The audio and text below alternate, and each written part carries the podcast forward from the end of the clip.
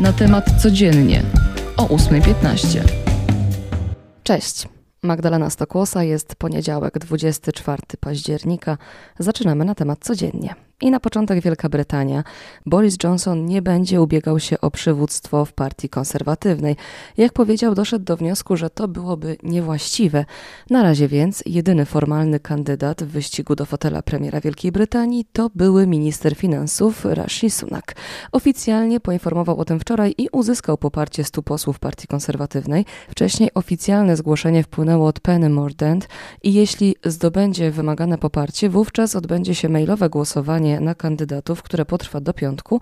Jeśli jednak się to jej nie uda, wówczas Sunak zostanie natychmiast nominowany na stanowisko szefa partii i premiera coraz bliżej podjęcia decyzji w sprawie wykonawcy pierwszej elektrowni jądrowej w Polsce. Tak po spotkaniu w Waszyngtonie mówił wicepremier Jacek Sasin. Jeszcze w tym roku ma zapaść decyzja, komu zostanie powierzone to zadanie. Jak wam zapowiadała minister aktywów państwowych oraz minister klimatu i środowiska Anna Moskwa spotkali się w weekend z minister energii USA Jennifer Granholm. Moskwa oceniła, że amerykański koncern Westinghouse ma ogromną szansę, by stać się wykonawcą projektu. Polski plan zakłada rozpoczęcie rozpoczęcie budowy pierwszej z dwóch elektrowni jądrowych za 4 lata i oddanie do użytku pierwszego z trzech reaktorów tej elektrowni w 2033 roku. Pozwoli to na zasilenie 4 milionów gospodarstw domowych.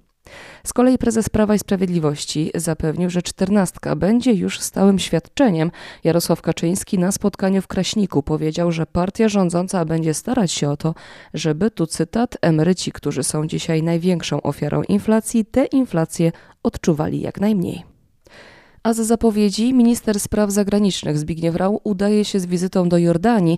Dziś zostanie przyjęty przez króla tego kraju. Głównymi tematami rozmów szefa polskiej dyplomacji będą bezpieczeństwo energetyczne, terroryzm i uchodźcy. A z kolei dziś oficjalną wizytę w Polsce rozpocznie prezydent Macedonii Północnej Stewo Pendarowski.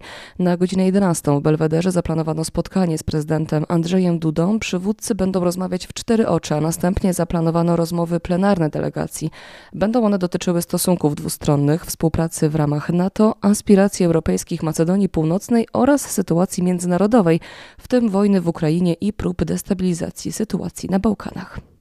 I zmieniamy temat. Kolejne dzieło sztuki niestety otrzymało porcję warzyw. Tym razem ziemniaczanym pire oblano pracę Moneta.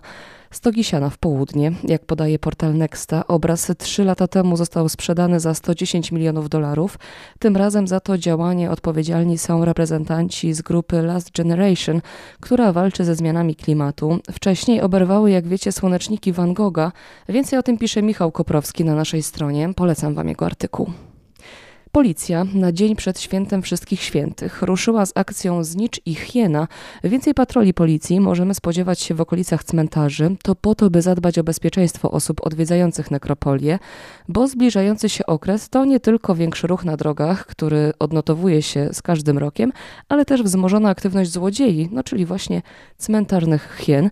Większe skupiska i tłumy w okolicach cmentarzy mogą wykorzystywać również kieszonkowcy, więc ostrzegamy, abyście mieli to na uwadze zawsze pilnowali portfeli, schowali je gdzieś porządnie w ciepłych płaszczach i kurtkach, bo te, zgodnie z doniesieniami synoptyków, będą niezbędne początkiem listopada, bo z prognoz na ten okres wynika, że będzie chłodno. W całym kraju na termometrach okolice 10 stopni. Za to padać nie powinno.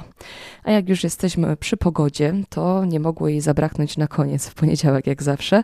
E, tak więc sprawdzamy, co nas czeka w tym tygodniu i mam dla Was dobre wieści. Ostatni tydzień października będzie ciepły, bo temperatury będą oscylować wokół 15-17 stopni Celsjusza.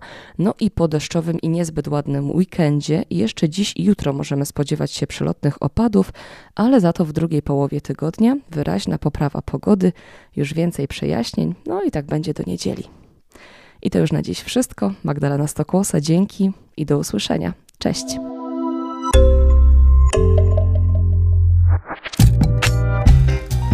Na temat codziennie o 8.15.